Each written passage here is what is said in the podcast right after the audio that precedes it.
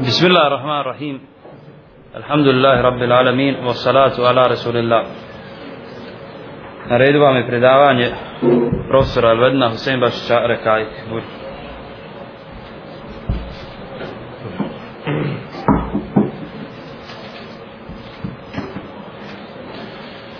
بسم الله الرحمن الرحيم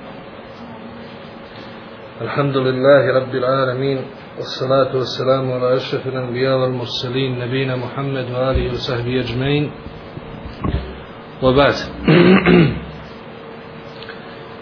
السلام عليكم ورحمة الله وبركاته Prvi dio današnjeg naših susreta govori o rakajku, o rasporedu. Pa šta je to rakajka? Rakajk to je jedan ogranak jedna islamska disciplina koju mnogi nepravedno smatraju nevažnom ili manje važnom međutim naši prethodni učenjaci i prve generacije i učeni do dan danas smatraju tu disciplinu najvažnijom jer šta znači rakajk rakajk to su kazivanja ili dersovi, ako hoćete, koji omekšavaju srce, koji oplemenjuju dušu i koji čovjeka čini bližim Allahu Đelešanu. I zbog toga ćemo mi naš rakaj s kojim ćemo se družiti u ovom vremenu početi od samog početka. Bilježi ima muslim u svom sahihu da su došli neki ljudi iz arapskih plemena da se kod poslanika raspitaju o islamu, o vjeri i tako dalje. Pa kažu oni, džitna nes eluke an hadal amr. Mi smo došli da te pitamo o islamu i o tome što ti propovjedaš. Kaže njima poslanik sallallahu alaihi ve sellem, Kan Allahu wa lam yakun shay qablahu. Allah je postojao i bio i ništa nije bilo s njim i prije njega. Kao što se u ajetu kaže huval awwal on je prvi. Ko je prvi? Allah Đelešanuhu je prvi. Njegovo, jedno od njegovih imena uzvišenih i najljepših jeste da je prvi. Šta znači prvi? Znači da je postojao od uvijek i da nije bilo nikoga prije njega kan Allahu wa lam Allah je postojao i bio, a prije njega nije bilo ništa. Zatim dolazi stvaranje. Allahova mudrost, Allahovo ime Al-Hakim. Allahovo ime Al-Hakim koje sadrži u sebi dva plemenita značenja. Prvo značenje je mudrost, koja da bi došla do izražaja mora se manifestovati na stvorenjima. Zatim, Al-Hakim također nosi značenje onaj koji usavršava i precizira stvari do savršenstva. I dolazi prvo stvorenje. Zna li neko koje je prvo stvorenje koje je stvoreno? To je prvi čovjek, a stvorenje? Pero. Pero? arš. Ali to se ne računa, to je iza zastora. Postoje dva mišljenja kod naših učenjaka. Dobar dio njih zastupa da je prvo što je stvoreno arš. A arš je Allahovo prijestolje. Najveće stvorenje Allahovo. A drugo mišljenje da je prvo stvoreno pero na osnovu hadisa koji je zabilježio ima muslim, da je prvo što je stvorio Allahšanu pero. Postoji nekako treće mišljenje koje to pokuša spajati, dva mišljenja, a to je da je Arš stvoren prvi uopšte, a da je pero prvo što je stvoreno od ovoga svijeta, znači ovo zemaljskog, ili u ovom kosmosu. Bilo prvo ili drugo, iako hadis možda koji je zabilježio ima muslim donekle možda na vagi teži, teži je zbog tog teksta koji bukvalno kaže prvo što je Allah stvorio bilo je pero pa mu je rekao piši i ona je zapisala sve što će se dogoditi do sudnjeg dana i onda Allah Đelešanu stvara ovaj svijet za šest dana kako se to na ono nekoliko mjesta u Koranu spominje, a u hadisima se jasno precizira šta je Allah Đelšanu u kojem danom stvorio. I prvo što je prije, prije kosmosa ovog stvorio je zemlju. Pa je onda stvorio nebo. A onda je nakon stvaranja nebesa stvorio je sve na zemlji. Iz zemlje je stvorio njene izvore, brda, šume, puteve, staze i tako da. Znači prvo je stvorena zemlja, zatim nebo, a onda nakon stvaranja nebesa stvoreno je sve ovo ostalo na zemlji. I posljednjih dana stvaranja, u petak, petak je posljednji dan kad je posljednji dan stvaranja i ta, taj će dan biti kijametski dan. Poslanik sa sveme jasno kaže da će kijametski dan biti u petak koji petak Allah zna. Posljednjih dana stvaranja, kada je sve već bilo stvoreno, Allah Đelešanu stvara jedno biće. A to je Adema Aleksana. I svoje uzvišene mudrosti obavijestio je Meleke da će stvoriti čovjeka obavijestio meleke. A onda su mele, meleci rekli, a što da stvaraš nekoga ko će nered sijati po zemlji, krv proljevati i grijehe činiti. A onda im Allah kaže, ja znam ono što vi ne znate. Kažu naši učenjaci, to jest ja znam da će među njima biti poslanika bit će vjerovjesnika, bit će evlija, bit će dobrih ljudi, bit će ljudi koji će nakon hiljadu i pol godina vjerovati u njegovog poslanika. A to smo ako Bog da i mi. I to je Alašanu izdigo ljudski rod tim ljudima. Što znači da ljudski rod vrijedi dok je tih ljudi u njemu.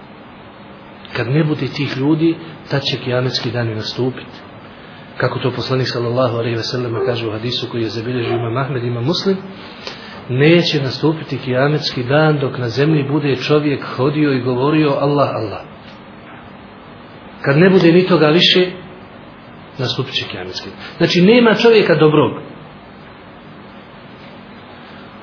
kako su meleci znali šta će čovjek raditi na zemlji kaže im Allah najbolje zna postoji mogućnost jedan odgovor koji je dala ulema da im je Allah Đelešanu rekao i obavijestio da će biti ljudi koji će stvorit će čovjeka, ali kuranska kazivanja nisu uvijek podrobna.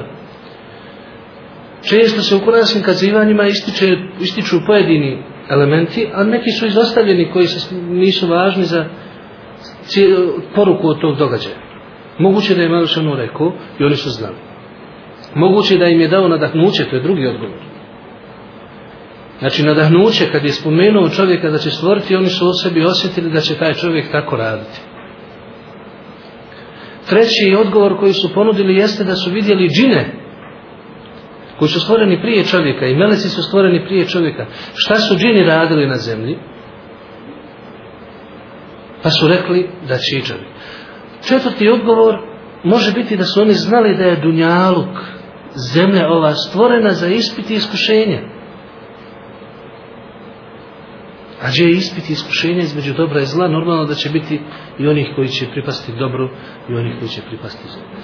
Bilo kako bilo, Allah Đelešanu stvara čovjeka. I bilježi ima muslim hadis u kojem stoji Halak Allahu Adema ala suratihi. Allah je stvorio Adema u njegovom prvom obliku. Šta to znači? Kažu naši učenjaci, to znači da je Adem stvoren odmah u svom obliku i nije imao razvoja nikakvog, nije bio dijete, pa mladić, pa momak, pa čovjek i tako dalje. Adem je stvoren odmah kakav je bio, kao zrevo čovjek. Kaže poslanik sallallahu alaihi wa sallam da je bio dug 60 podlaktica kaže naši učenjaci 60 podlaktica onoga koji je to rekao, a to je poslanik sallallahu alejhi ve A njegova podlaktica je otprilike koliko podlaktica i prosječnog čovjeka iz ovog umeta, koji nije ni visok ni dug. To je otprilike oko 45 do 50 centi. Pola metra prosječno. Kad to izračunamo, znači da je Adem Aleyhisselam bio visok oko 25 metara. Aleyhisselam. Nek bude 20, oduzmi 5, nema veze.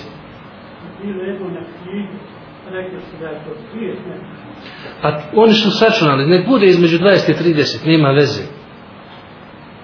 Znači 60 podlaktica, to završi od računanja. Ja. Nek bude 30, ono se tamo stoji 60 podlaktica. Sad računanje podlaktica, da li 50 centi, 55, 60 centi, nije važno neke 20 metara, neke 30. Znači jedno ogromno biće. Stvoren je od blata. Od zemlje pomiješani s vodom, to je glina. I bio je tako dok se nije osušio i postao kao osušeni čup. Jeste vidjeli, znate šta je čup? To je ono što, što prave od onaj zemlje pa se ono sasuši. Dobro suha. I Iblis, Allah ga prokleo, dolazi čim ga je vidio, počinje u njemu rasti bis. Jer je osjetio konkurenciju. On je dotada bio džin koji je zbog svoje pobožnosti dostigo stepen da bude s melecima. A zvao se, kako kaže Adolaj ibn Abbas, dotada Azazil. Kao Allahov sluga ili Allahov eh, onaj ko hizmeti Allahu Đelešanu.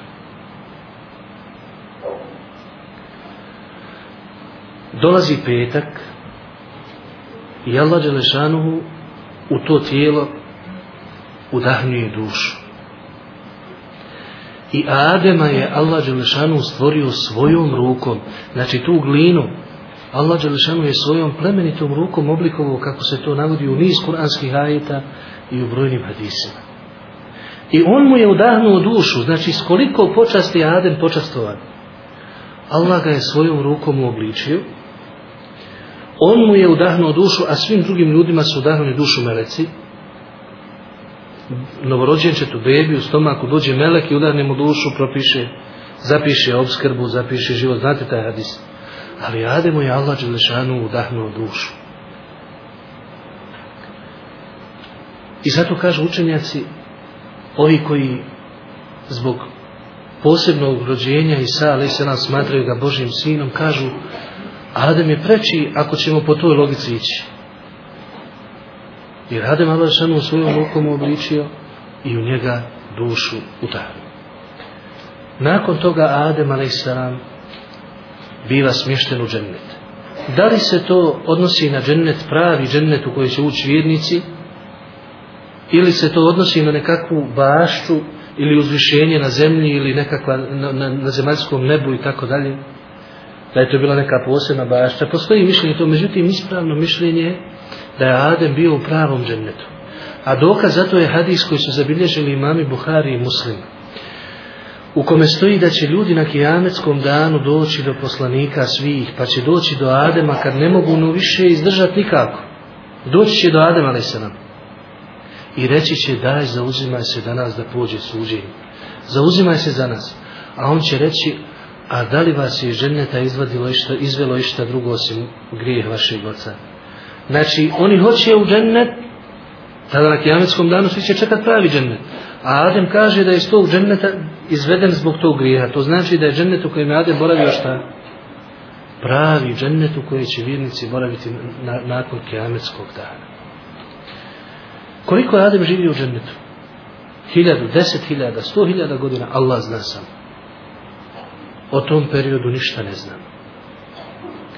Ali prije ulaska u džennet, Allah Đelešanu mu želi da pokaže ponovnu počast Adem Alisana.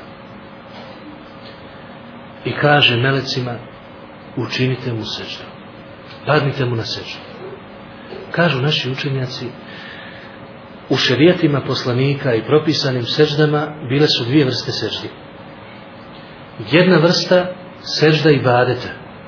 I to nikada ni jednom stvorenju nije bilo dozvoljeno učiniti osim Allahu dželle. I meleci, i nebesa, i zemlja, i sve ostalo što je stvoreno, takvu vrstu sežde smije samo Allah učiniti. I druga sežda, to je sežda pozdrava. A to je ono što su učinili meleci. Znači nije to bila sežda ibadeta Ademu, nego iz pozdrava. Zbog toga neki kažu, ne, mo, ne mora znaši da je to bila sežda. Jer sežda u, u, u, u arapskom jeziku znači naklanjanje. Možda je to vid bio naklanjanje, nešto slično ruku, možda je to bila prava sežda kakva jest, kao što kažu neki, nije važno, ali nije bio i badet, nego pozdrav. I to je bilo dozvoljeno u prijašnjim šerijatima, čak i u vrijeme Jusuf a.s. Vi znate da je Jusuf a.s. Kad, je, kad su došli mu braće i oni, pali su mu na seždu, kao kaže Kur'an. Znači, seždu pozdrava. Ali u našem šerijatu to je zabranjeno. I ne smatra se da izvodi iz vjere ako bi neko to i radio, nego se smatra malim širkom, znači onome što, što je slično velikom širku i činjenju i bareta drugom. Da bi Allah Đelešanu pokazao da je Adem uistinu vrijedan svih tih počasti. Naravno da treba da, da, da se vidi ono što je najblistavije i najvrednije kod Adema. I šta Allah Đelešanu pokazuje malecima u to vrijeme? pokazuje Ademovu osobinu znanja i saznavanja. I rekao mu je, podučio ga svim imenima. Znači, ovo je drvo, ovo je kamen, ovo je brdo, ovo je nebo, ovo je zemlja, ovo je voda. Znači, imena svih ljudi, svega što postoji. I zato je Adem, ali se nam bio največeniji. I zato nastaju velike pogreške u današnjoj modernoj nauci, sociologiji, psihologiji, istoriji i tako dalje, zato što oni polaze od pretpostavke da je prvo biće, ljudski predak, bio, bilo primitivno biće. Bilo biće koje nije znalo, koje se razvojem do, došlo do ovog stepena, a nije tako. Allah istinitije govori i on bolje zna šta je bilo u prošlosti. Ljudska bića su nastala od Adema, najučenijih čovjeka, koji je znao sve što je Allah šanu stvorio i nakon njega ljudi su degradirali u znanje, a nikako se nisu uzdizali. Nakon toga, Adem a.s. ide u džennet, Iblis odbija učiniti sve što biva proklet i tada dobija naziv Iblis. A Iblis u prevodu znači onaj koji je izgubio svaku nadu. Onaj koji je izgubio svaku nadu Allahu milost ili oprost. Međutim, Alšanu je htio također da Iblis zavodi Adema i stvara njegovu ženu od Ademovog rebra. To je Hava. I oni su boravili u džennetu to vrijeme i bilo je zabranjeno da jedu neke plodove. Da li to bila jabuka? Da li to bila naranđa? Da li to bilo nešto što mi ne znamo, Allah samo zna. Mi ne kažemo da je jabuka kao što se navodi u nekim i da je ova jabučica posljedica toga. To nije tačno. Znači nije tačno da je ova jabučica koja postoji kod ovog kao Adem nije proguto, nego je samo Hala progutala pa nema jabučicu. To je priča izmišljena. Zašto? Zato što Allah šanu jasno u Kur'anu kaže fa akela minha. I njih dvoje su pojeli voćku. Znači nije rekao Hava je pojela, Adem nije. I Hava i Adem su pojeli voćku zabranjeno voće. Nakon toga prvo što im se desilo je da su se ukazali, ukazala stivna mjesta, sad se postavlja pred nas pitanje kako je Iblis zavodio Adema i Havu, kad je protiran iz dženeta. Neki kažu ušao je, povezu se sa zmijom. To je biblijska priča, verzija to kazivanja. U nas nije došlo ništa u vezi s tim. Može to biti tačno, možda i nije. Uglavnom, znamo, Kur'an jasno kaže da ih je zavodio kako? Allah samo zna. I dolaze i spuštaju se na zemlju svi. Adem a.s. njegova žena i Iblisa I Iblis daje zavjet da će vječno dok je živ zavoditi Ademove potomke i da će da moli Allah da mu da živo dok je ametskog dana. Znači Iblis koji je tada zavodio Adema živ je do danas i živjet će dok je ametskog dana. I poslanik sallallahu alejhi ve sellem u hadisu koji zabilježi ima Muslim kaže nam da on svaki dan postavi svoje prijestolje na vodi moru. Koje je to more, ne zna se. I šalje svoje zaslanike, te džine i šeitane da širi neredi fesad, fesad po zemlji. Kažu naši učenjaci na osnovu hadisa koji su preneseni u vezi s tim, da tada kad je odbio srđu, Allah Đelešanu je njegov izgled koji je bio lijep i oblik, preobratio potpuno. Tako da se od tog preobraćanja spominje da je dobio rogove, da postoje još nekakvi, nekakvi opisi, pa između ostalo se spominje i da je dvospolac. Šta to znači? Da sam sebe oplođava i rađa. Znači svoje potomke. Što je naravno neke učenjake da kažu da Iblis nije otac svih džina kao što je Adem otac svih ljudi nego da je Iblis otac šeitana sam. A džini su druga bića stvorena koji žive svojim životom i koji su mogu biti muslimani i nemuslimani kao i ljudi. Dok ima i onih koji smatraju da je Iblis znači predak svih džina, a Allah najbolje zna. I Adem Ali Selam dolazi živjeti na ovu zemlju smjenjuju se generacije kao što Allah šanom kažu rekao kad, prije nego što ga je stvorio inni džajnu fil ardi halife ja ću na zemlji stvoriti halifu to jest onoga koji će uvijek imati nasljednika na zemlju generaciju za generacije i smjenjivali su se do naših poslanika Muhammeda sallallahu alaihi wa sallam nastavit ćemo ako Bog da dalje u vezi s tim šta se sve događalo uz Allahov pomoć a za sada toliko